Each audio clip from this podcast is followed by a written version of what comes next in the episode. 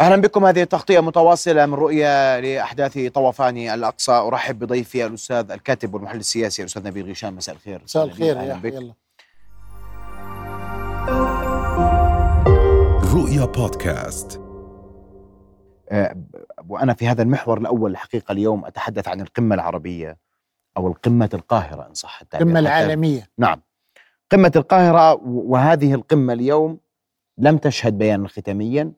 شهدنا كلمات واضحة من جلالة الملك والرئيس السيسي. هناك رسائل واضحة في هذه القمة حول التهجير حول الوضع في غزة والهدف. وقف الحرب في غزة برأيك هل هناك من جهد عالمي اليوم حقيقي لوقف القتال في غزة؟ يعني ليس لدي أوهام بأن مؤتمر القاهرة آه، سيحقق آه، وقف إطلاق نار على الأرض أو سيوقف التهجير أو سيؤدي إلى محاسبة إسرائيل عن جرائمها. آه، لكن آه، لولا عملية طوفان غزة أو طوفان الأقصى لما انعقد أصلا المؤتمر. يكفي أن نقول أن هذا المؤتمر آه، جاء بطلب من الحكومة المصرية لهدفين أساسيين. اولا أن تحصل على دعم دولي واضح ضد التهجير والوطن البديل وهي فكرة مطروحة عند الإسرائيليين ووافقوا الأمريكان في البداية عليها على لسان بلينكن آه، أيضا آه، يطمح آه، الرئيس السيسي ومصر أن يكون هناك دعم اقتصادي لمصر في مثل هذه الظروف الصعبة. والدليل على أن هذا المؤتمر لن يكون له ذلك الزخم أو ذلك القوة لتجبر إسرائيل على آه، الامتثال إلى قرارات الشرعية الدولية أو الامتثال حتى إلى أخلاقيات الدول الأوروبية الأخلاقيات حقوق الإنسان والتعامل مع الإنسان ومساواة الضحية الفلسطينية مع أي ضحية أخرى بالعالم. لذلك آه، آه، هذا المؤتمر بتقديري لن يشهد بيان ختامي يوافق عليه الجميع لتباين وجهات النظر الكثيرة. الأمريكان والاتحاد ودول الاتحاد الأوروبي ركزوا على آه، آه، آه، المدنيين وعلى الضحايا الإسرائيليين دون أن يربطوا ذلك بضحايا الفلسطينيين على الأقل. أعتقد أن هذا المؤتمر إحنا ما بدنا نشكل نشكك في أهمية المؤتمر ووزنه المعنوي على الأقل. كونه يعني بضم آه، آه، بحدود 40 آه، من قادة الدول وزراء الخارجية والسفراء والمنظمات الدولية بشكل عام ودول من آسيا وأفريقيا وأوروبا ومنظمات دولية وعربية. لكن بالنهاية أنا بعتقد أنه هذا المؤتمر لن يؤثر كثيرا على الإسرائيليين بنتيجة للزخم والدعم الأمريكي الذي آه، آه، تبديه الإدارة الأمريكية إلى الحرب في غزة والحكومة الإسرائيلية. لكن البعض يقرأ في أن ما حدث من مرور مساعدات وإن كان بسيطا هو رسالة بأن هناك نجاح انفراجة آه، حماس تطلق رهينتين أمريكيتين. هو نوع من أنواع إظهار أن الأمور قد تكون قد تسير بشكل أفضل إذا لم تندلع حرب برية. تتفق مع ذلك أم تختلف؟ طبعا. يعني آه، آه، إذا لاحظت إنه في آه، نهاية زيارة بايدن إلى تل أبيب قال بشكل واضح وصريح إنه أنا طلبت من إسرائيل تأخير الاجتياح البري. لأنه الدوائر الاستخبارية الأمريكية تقدر أن الدخول الإسرائيلي لن يكون نزهة وأن القضاء على حماس بدون أن يكون هناك مشروع سياسي للمنطقة لجذب هذه المنطقة إلى السلام الذي يحقق طموحات الشعب الفلسطيني. معناته كل هذا المشروع آه، اليوم حماس أو المقاومة لم تعد مرتبطة بخالد مشعل أو بفلان أو من الناس. هذه أصبحت في قلوب الناس في قلوب العالم. لفتت حتى عملية آه، طوفان الأقصى. هي اعاده وضع القضية الفلسطينية إلى على الطاولة. لذلك إحنا اليوم عندما نتحدث عن آه، آه، ماذا سيكون بعد آه، آه، الاجتياح البري لا أحد يعرف. الإسرائيليين أنفسهم لا يعرفوا الأمريكان لا يعرفوا. أنا قرأت قبل قليل رسالة نعم. كاتبها ال ال يعني توماس فريدمان وهو أمريكي يهودي مؤيد إلى إسرائيل.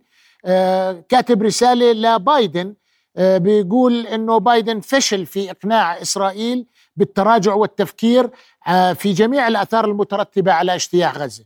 بيقول إن اندفاع إسرائيل هذا آه، فريدمان إن اندفاع إسرائيل الآن إلى غزة ولتدمير حماس دون التزام بحل الدولتين وإنهاء المستوطنات في عمق الضفة الغربية خطأ سيدمر مصالح إسرائيل وأمريكا ويفجر التحالف المؤيد للولايات المتحدة في المنطقة منذ عام 1973 هذا يعني وهو من أحد مؤيدين آه، إسرائيل. آه، اليوم الخوف في الدوائر الغربية على إسرائيل من قيادتها المتطرفة لأنه أن تنهي حماس على الأرض قد تنهي حماس على الأرض لكن في كلفة بدك تدفعها.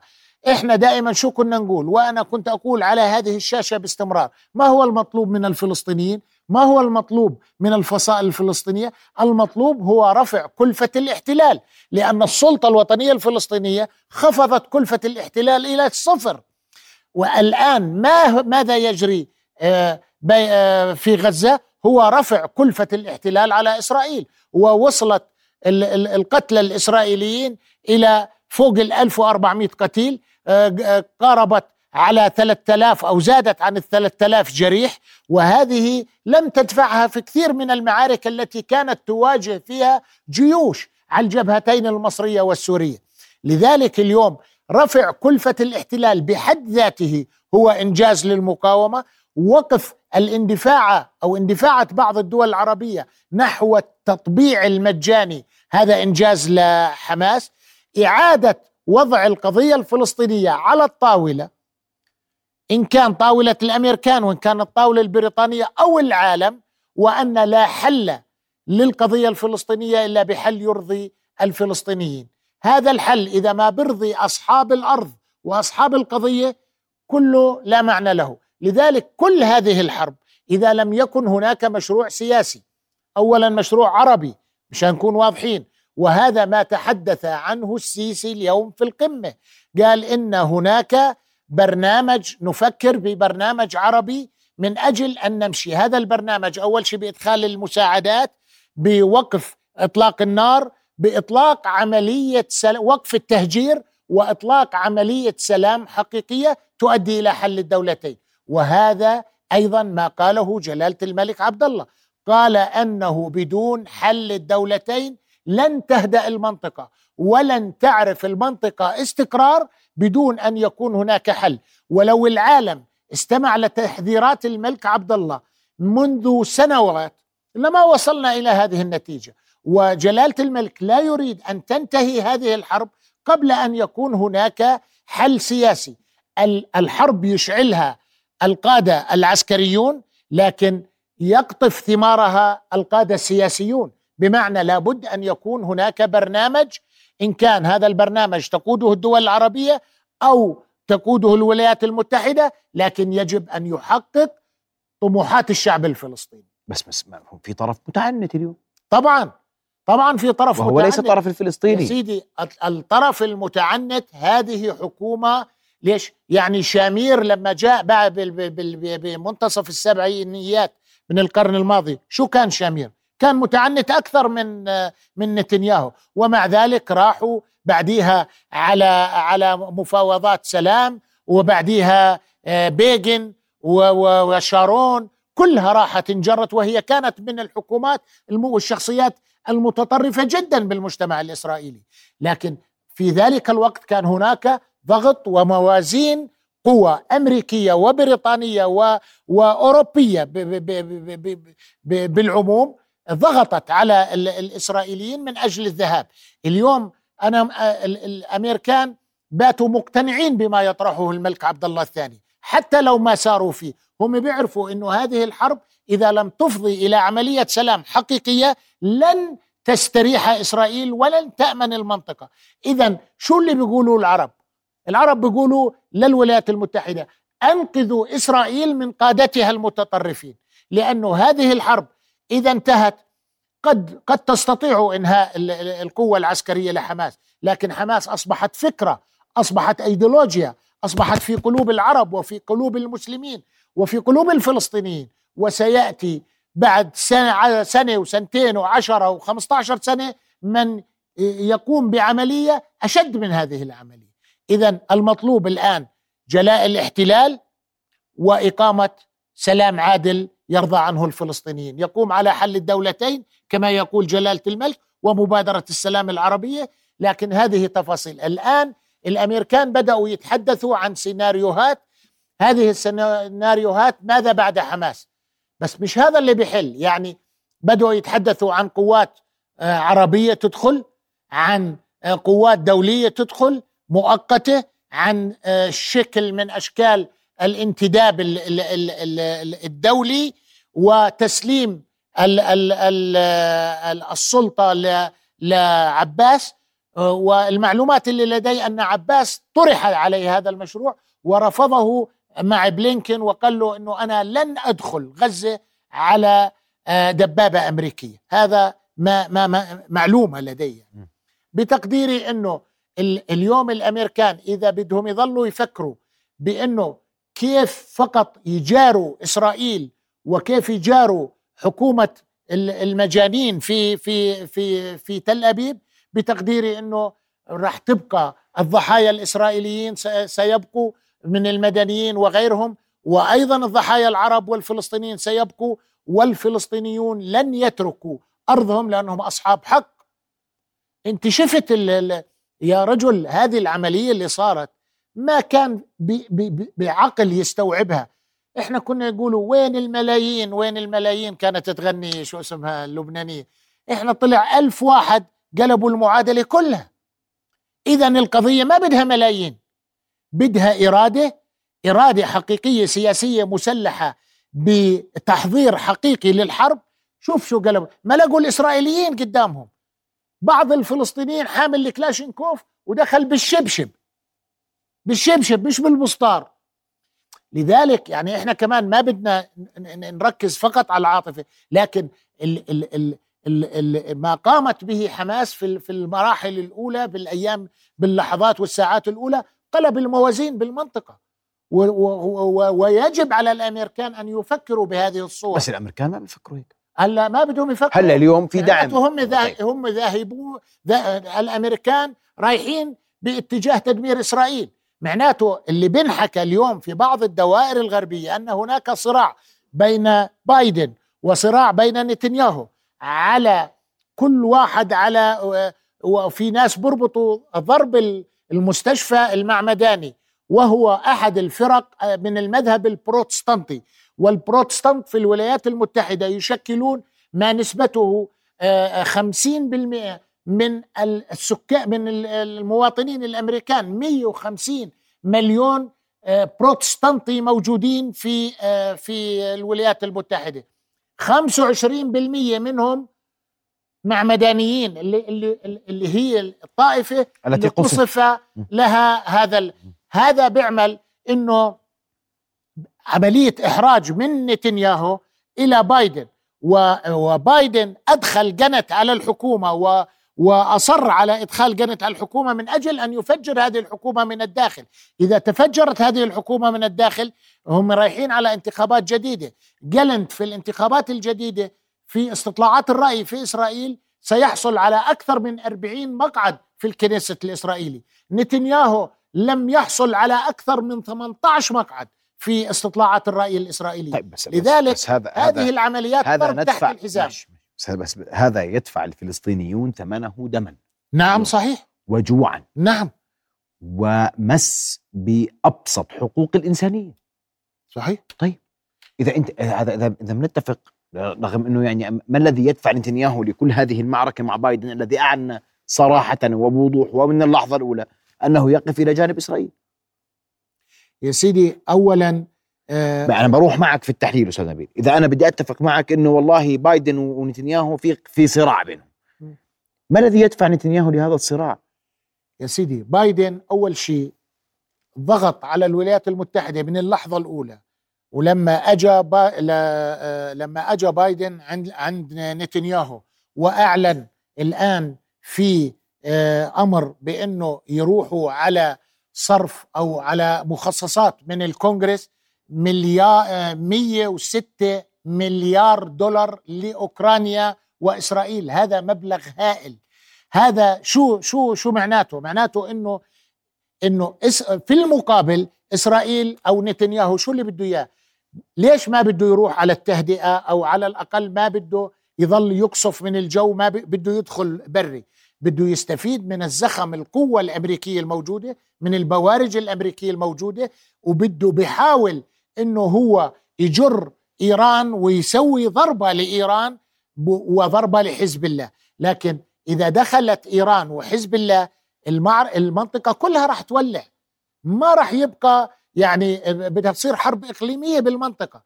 بتقديري أنه نتنياهو هو بيعرف أنه قلب الموازين في المنطقة هو جلب إيران في ضمن المعادلة الدعم الأمريكي المطلق الآن ووجود هاي البوارج. هاي البوارج ما أجت لحماس.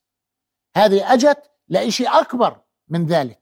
لذلك كل هذا الضغط الأمريكي الضغط اللي بيصير من نتنياهو بده يورط الأمريكان فيما هو أبعد من ذلك.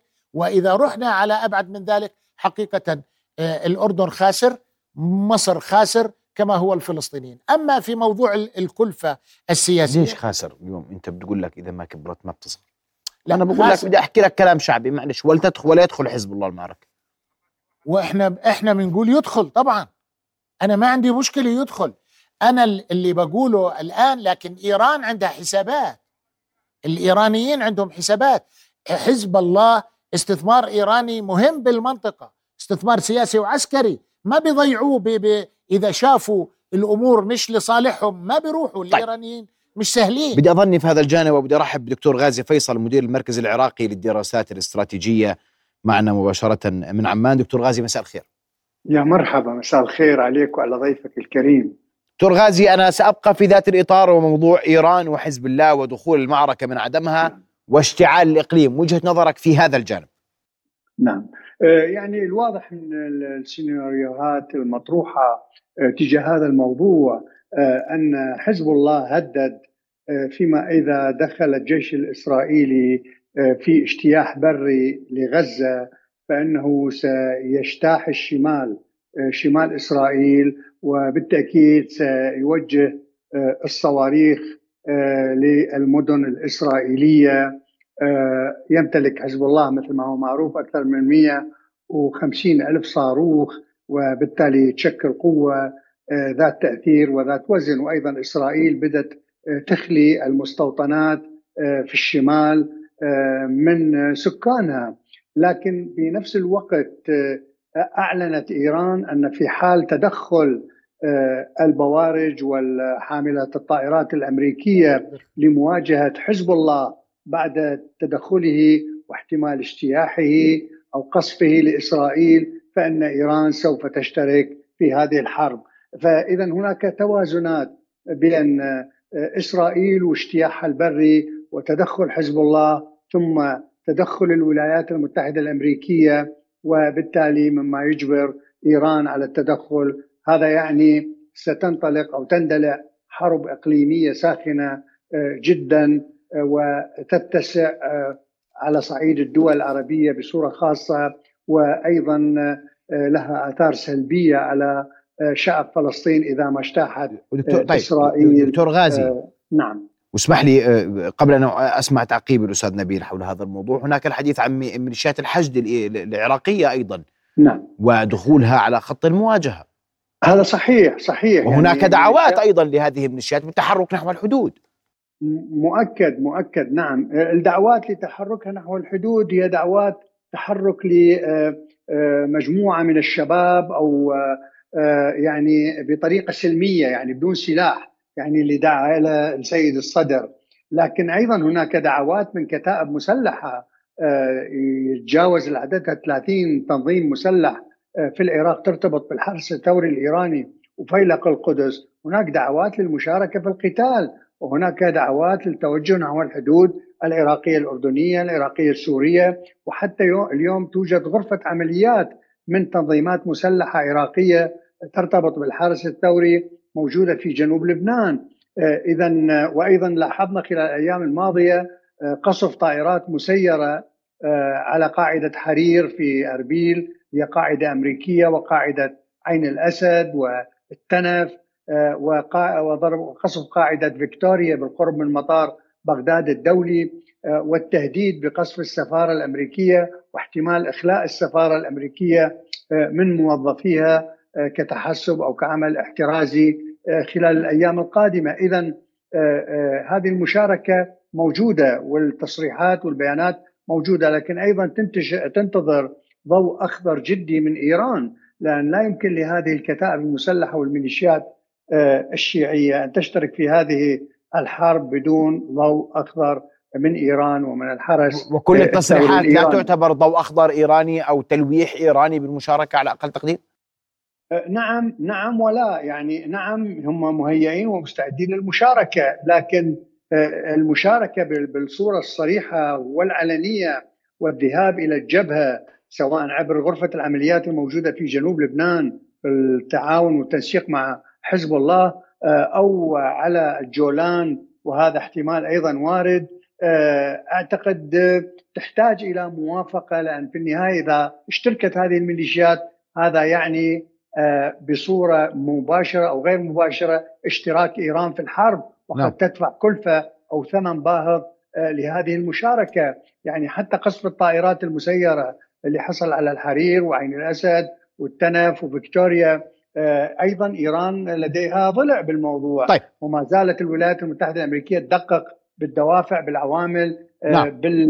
بالدور الإيراني ودور هذه واضح. دكتور غازي أسمع رأيك. أستاذ نبيل بمورد دكتور غازي. واليوم يعني واليوم هناك دعوات للتوجه للحدود. الحديث عن ميليشيات تتحرك في الجنوب السوري وفي الشرق الأردني. على الحدود على أقل تقدير الاقتراب من من من مناطق التوتر ودعوات كيف سيكون شكل مشاركة حزب الله ان دخل المعركة؟ هل سيدخل حزب الله المعركة أم لا؟ تفضل. يعني أنا لا أعتقد بأي شكل من الأشكال أن إيران ستدخل مباشرة في الحرب ضد إسرائيل. هذا هذا وهم لكن أنا أعتقد أن إيران ستتدخل عبر أربع جهات هم حلفائها في المنطقة كما قال الدكتور غازي.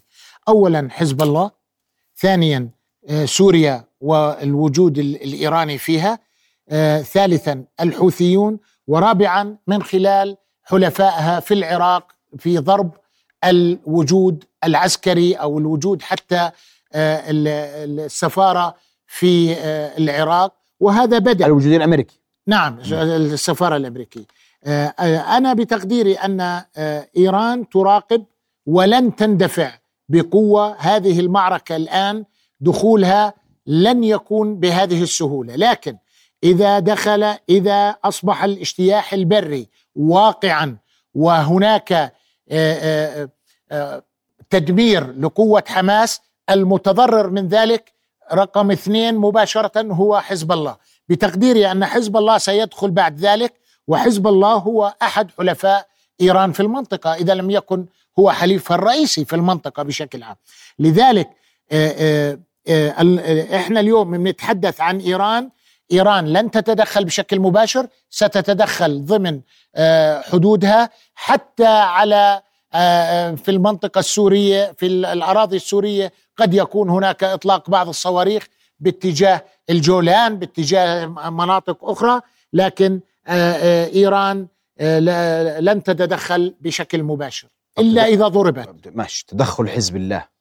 كيف سيكون شكله هذا سؤال. أنا أعتقد أن تدخل حزب الله وما لدى حزب الله من أرض مفتوحة غير مكتظة بالسكان وتحضير منذ سنوات طويلة لمثل هذه المعركة سيكون مؤلما لإسرائيل أكثر من معركة طوفان الأقصى لأن قدرات حزب الله التكنولوجية والعسكرية وحتى ال ال ال ال ال ال الأفراد والميليشيات اللي موجودة لديه أعتقد إنها تفوق قوة حزب الله تقود قوة حماس وستكون موجعة للإسرائيليين أكثر مما هي المواجهة مع حماس. وهذا. لأن حماس اولا في منطقة محصورة دخول السلاح يعني مسألة ليست سهلة التصنيع ليس سهل.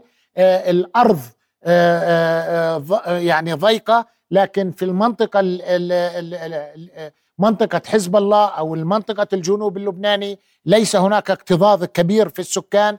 آه، هناك مصانع حقيقية تنتج آه، آه، جزء من ما يحتاجه حزب الله لأي معركة قادمة وأنتج. وحزب الله لديه اتصالات منفصلة أصلا عن شبكة الاتصالات اللبنانية.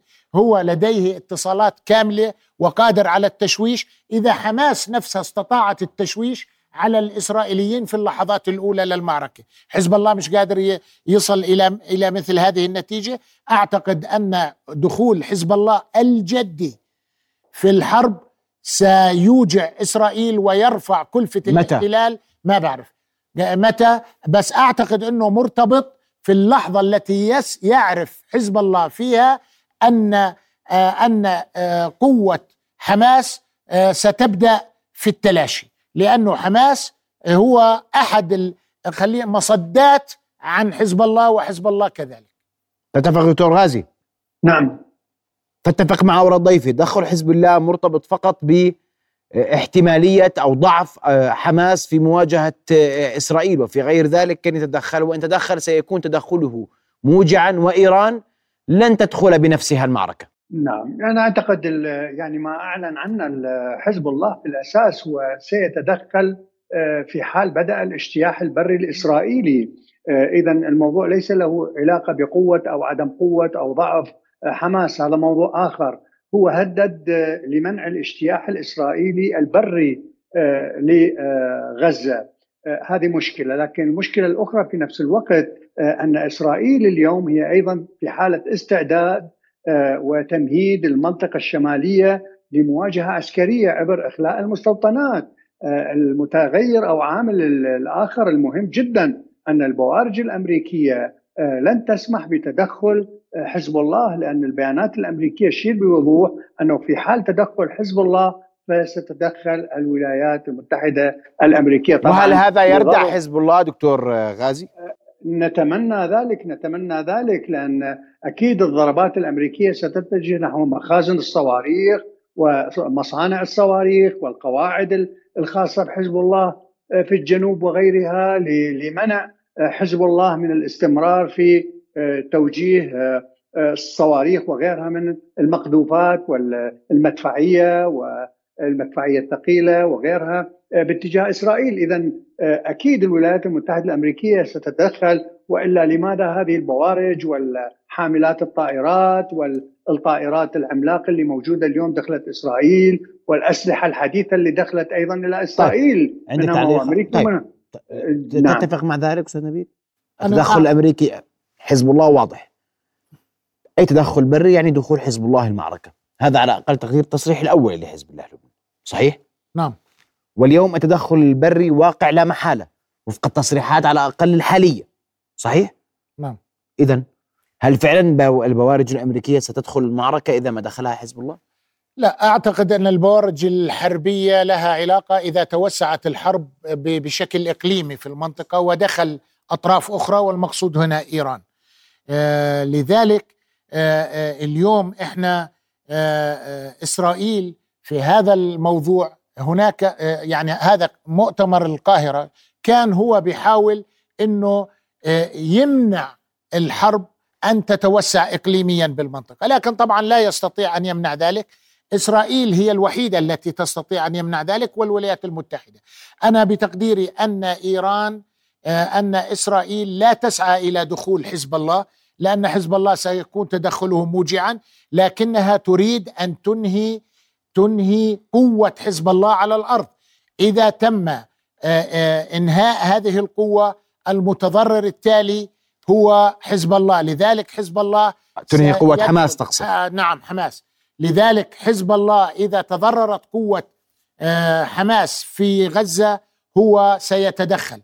أما الإيرانيين لا أعتقد أنهم يتدخلوا إلا إذا توسعت الحرب بطريقة أو أخرى كيف طريقة أخرى؟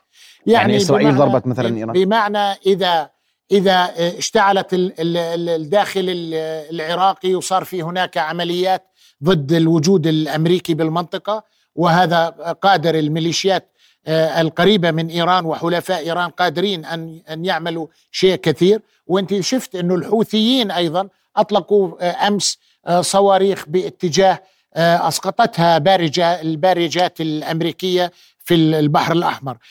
حتى في ال- ال- الأراضي السورية يمكن أن يكون هناك تدخل. توسع هذه الحرب بتقديري هو ليس لصالح إسرائيل في هذه اللحظة لكن البوارج الحربية لم تأتي من أجل قوة حزب الله وأعلن بايدن آه، بعد أن آه، زار المنطقة ورجع آه، قال إنه أرسل 2000 جندي أمريكي للتدخل إذا صار في هناك آه، تدخل من حزب الله. وهذول موجودين يعني ليس سرا.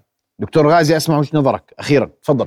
آه، نعم. آه، أكيد يعني آه، كل السيناريوهات محتملة وأعتقد أن الولايات المتحدة الأمريكية آه، عبر هذه البوارج وفرت فرصة أو حاولت آه، آه، تقدم فرصة للردع ردع حزب الله وردع آه، إيران وردع دول آه، المنطقة من التدخل في هذه الحرب لكي تنحصر بين آه، حماس واسرائيل، لكن إذا تدخل حزب الله وتدخلت آه، التنظيمات والكتائب المسلحة المرتبطة بالحرس الثوري الإيراني الموجودة في جنوب سوريا وموجودة في آه، يعني جنوب شرق سوريا أيضا آه، غرب شرق سوريا يعني دير الزور والبوكمال وهذه المناطق آه، باتجاه التنف وغيرها من القواعد وممكن تصعد نحو الشمال والجولان. آه، وأيضا لا ننسى قواعد حزب الله في سوريا ممكن تلعب دور آه، لفتح جبهة ال- الجولان. أيضا إضافة للكتائب والتنظيمات المسلحة بالعراق بشن عمليات على القواعد والمنشآت العسكرية والمدنية والمصالح آه، الأمريكية في العراق وربما تتسع نحو المصالح الأمريكية آه، في الخليج. يعني كما آه، تبين أو تعلن هذه التنظيمات المسلحة آه، هذه المواقف عبر بياناتها آه، الصادرة في أكثر من آه، مرحلة وحقبة. اذا نحن أمام احتمال كبير لتوسع هذه الحرب واندلاع عمليات عسكرية لمواجهة المصالح الأمريكية. هذا سيدفع لتدخل آه، البوارج الموجودة نعم. في شرق المتوسط وممكن يدفع إلى تدخل آه، القواعد الأمريكية الموجودة في الخليج. هناك أكثر من 45 قاعدة عسكرية أمريكية في منطقة آه، الشرق الأوسط آه، آه، يعني كاملة التجهيز والقدرات نعم. العسكرية الضاربة وبالتالي بإمكانها أن تتدخل لمعالجة أي تطور في الحرب سواء في العراق نعم. أو في سوريا أو في حال تطور عمليات حزب الله ثم في حال تدخل إيران من المؤكد أن هناك خطط استباقية نعم. لمواجهة هذه التطورات. اشكرك كل الشكر مدير المركز العراقي للدراسات الاستراتيجية كنت معنا مباشرة دكتور غازي فيصل برأيك السيناريو الأقرب شو؟ بعجاله بدقيقة يعني السيناريو الأقرب هو أن تستطيع إسرائيل إنهاء قوة حزب الله أو التقليل من خطر قوة حزب الله. لكن اسرائيل حماس. حماس عفوا. لذلك إسرائيل هي ذاهبة إلى حرب برية. لأن إسرائيل مثخنة بالجراح الآن. إسرائيل سمعه جيشها سمعه حكومتها سمعه مخابراتها كله أصبح في الحضيض الرعب الذي سيطر على المستوطنين خروج المستوطنين بهذه الكثافة أكثر من 300 350 ألف مستوطن من غلاف غزة خرجوا. كيف بدهم يعودوا إلى بيوتهم؟ كيف بدها تقنعهم بالعودة إلى بيوتهم؟ لذلك لابد من الاجتياح لكن أنا أعتقد أن هذا الاجتياح سيكون كلفته عالية وليس بالضرورة إنهاء قوة حزب الله. آه حماس. حماس. نعم. أشكرك كل الشكر الأستاذ نبيل غيشان الكاتب والمحلل السياسي. أشكرك على وجودك معنا. الليلة شكرا جزيلا لك. فاصل ومن ثم نواصل القمر.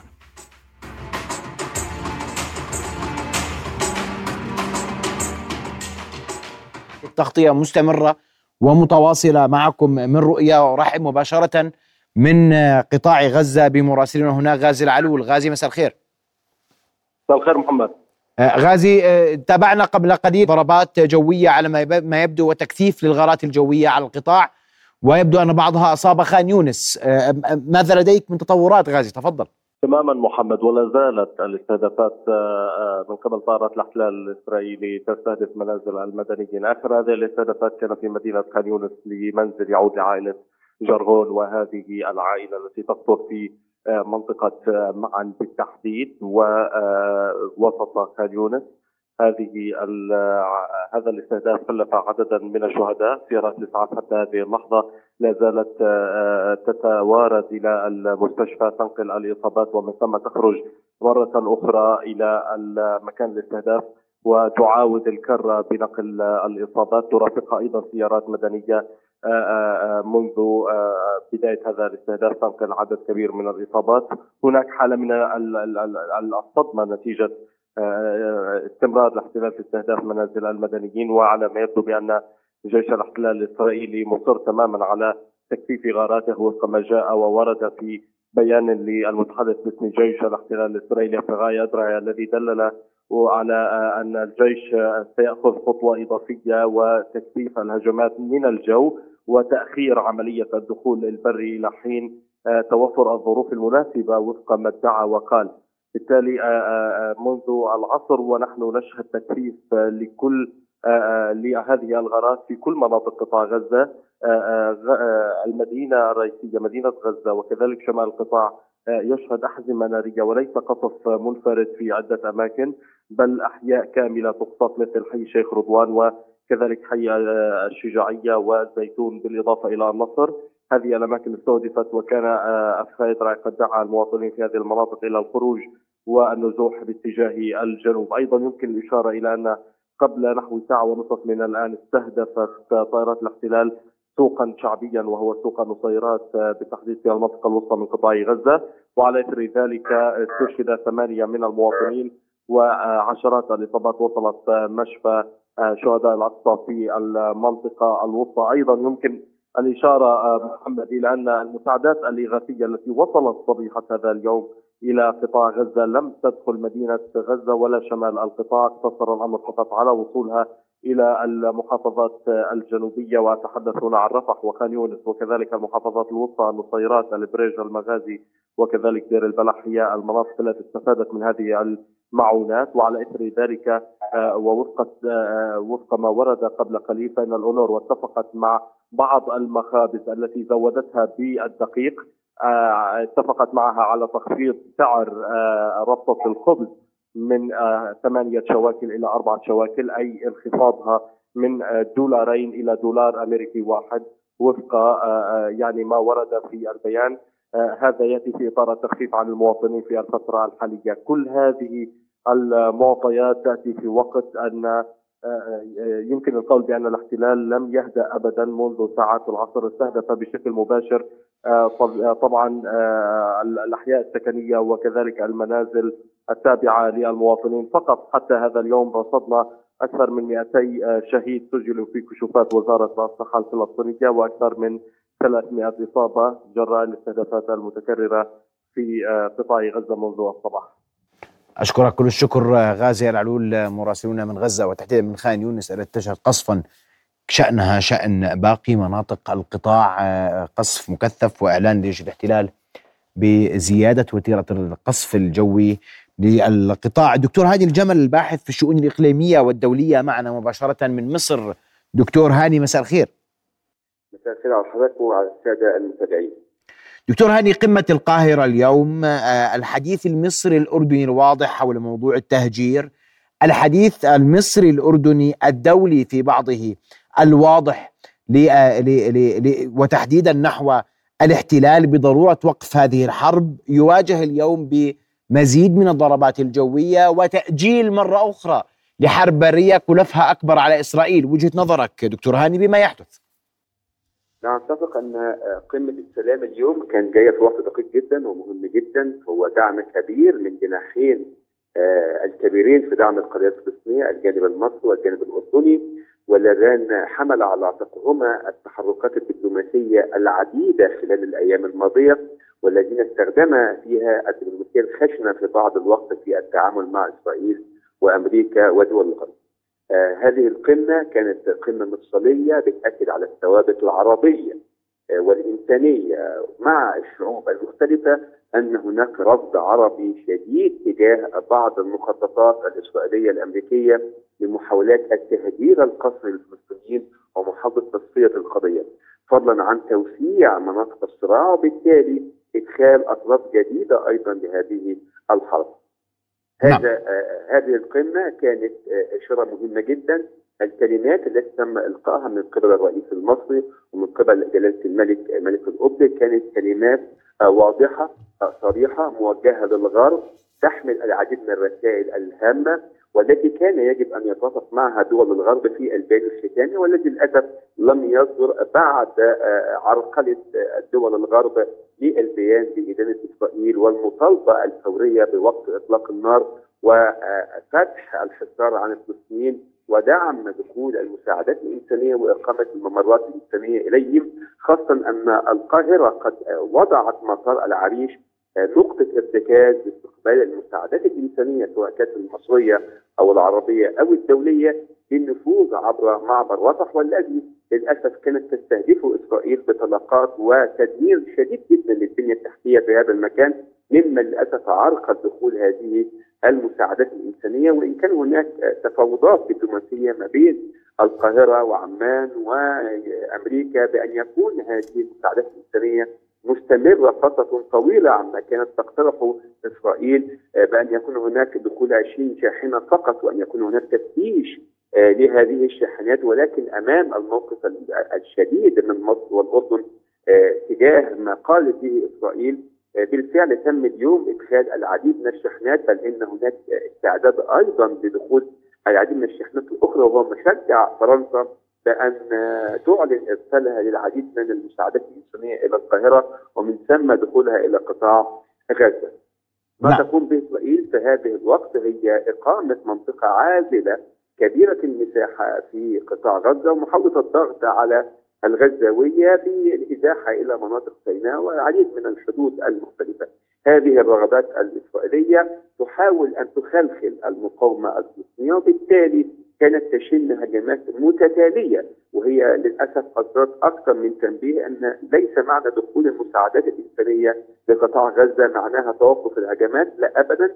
هي سوف تستمر بشان العديد من الهجمات وهي الآن للأسف تطلق العديد من الهجمات التي راح ضحيتها العديد من الشهداء. للأسف هذه الهجمات هي أصبحت هجمات نوعية تستهدف أماكن خاصة جدا أماكن المستشفيات وأماكن المراكز الطبية والكنائس وبالتالي التغير في التحركات الإسرائيلية على الأرض ينذر بالعديد من التحركات. صحيح أن إسرائيل حتى الآن أجلت الاجتياح البري أكثر من أربع مرات متعلمة بأكثر من شكل لكن نعم نتفق أن الداخل الإسرائيلي أيضا هناك انقسام كبير جدا في التعاطي مع هذا الأمر وفكرة أن يكون هناك تدخل بري أعتقد إن الجيش الإسرائيلي بتسريحه لعدد من الاحتياطي منذ يومين هو لا يستطيع أن يواجه المقاومة الفلسطينيه في حرب شوارع الديموغرافيا في هذه المنطقة تدان للمقاومه الفلسطينيه وبالتالي سوف يدخل الجيش الإسرائيلي في أتون حرب كبيرة. ولكن دعنا نتفق أن تحركات الأليات العسكرية الأمريكية في البحر الأحمر ومن ثم أيضا في البحر المتوسط لن يكن هدفها فقط إرسال رسالة للعالم بدعم إسرائيل فقط ولكن هي أيضا تحاول أن تعمل نوع من أنواع الإخلال والتخليل لهذه المنطقة وأن يكون هناك رسم جديد لشرق أوسط جديد ولكن أعتقد ما تقوم به مصر مناصفة مع الأردن هي خطوة محمودة لبناء رأي عربي قومي موحد في مواجهة هذه التدخلات الغربية الشديدة، صحيح أن بعض الدول العربية لم تشارك اليوم في قمه قمه السلام، هناك العديد من بعض القادة لم يكونوا طبعا بسبب سرعة إقامة المؤتمر لن يكونوا موجودين، لكن أعتقد إن الرسائل التي أرسل بها الرئيس عبد الفتاح السيسي والملك عبد الله بن حسين كانت واضحة المعالم كانت هي الأساس الذي يجب أن يبنى عليه مرة أخرى المجتمع الدولي في التعاطي مع القضية الفلسطينية وهي القضية الأكثر والأقدم على المنصات المنظمات الدولية والتي لامست 75 عام و56 عام من الاحتلال الإسرائيلي. هذا الانسداد السياسي الذي عانت منه القضية الفلسطينية هو ما صدر الوضع في يوم 7 أكتوبر آه، الماضي. وبالتالي على المجتمع الدولي ليس فقط تحمل اسمح لي دكتور اسمح لي أن أكون مع من خان يونس يبدو ان هناك آه، قصف. قريب من أو هناك طائرات تحلق بالقرب من من من مستشفى من المستشفى في خان يونس. يعني الجموع المحتشدين هناك غادروا المكان مسرعين. قصف المباشر لمناطق متعددة في القطاع. ودكتور هاني القصف مستمر ويبدو أن إسرائيل لا تعير اهتماما لأحد والمجتمع الدولي يقف إلى جانبها ولم يكن بعد أو حتى اللحظة هو غير مقتنع ب ب ب بشكل كامل وصريح بوجهة النظر الأردنية المصرية المصرية الأردنية. في هذا الجانب ماذا تقول؟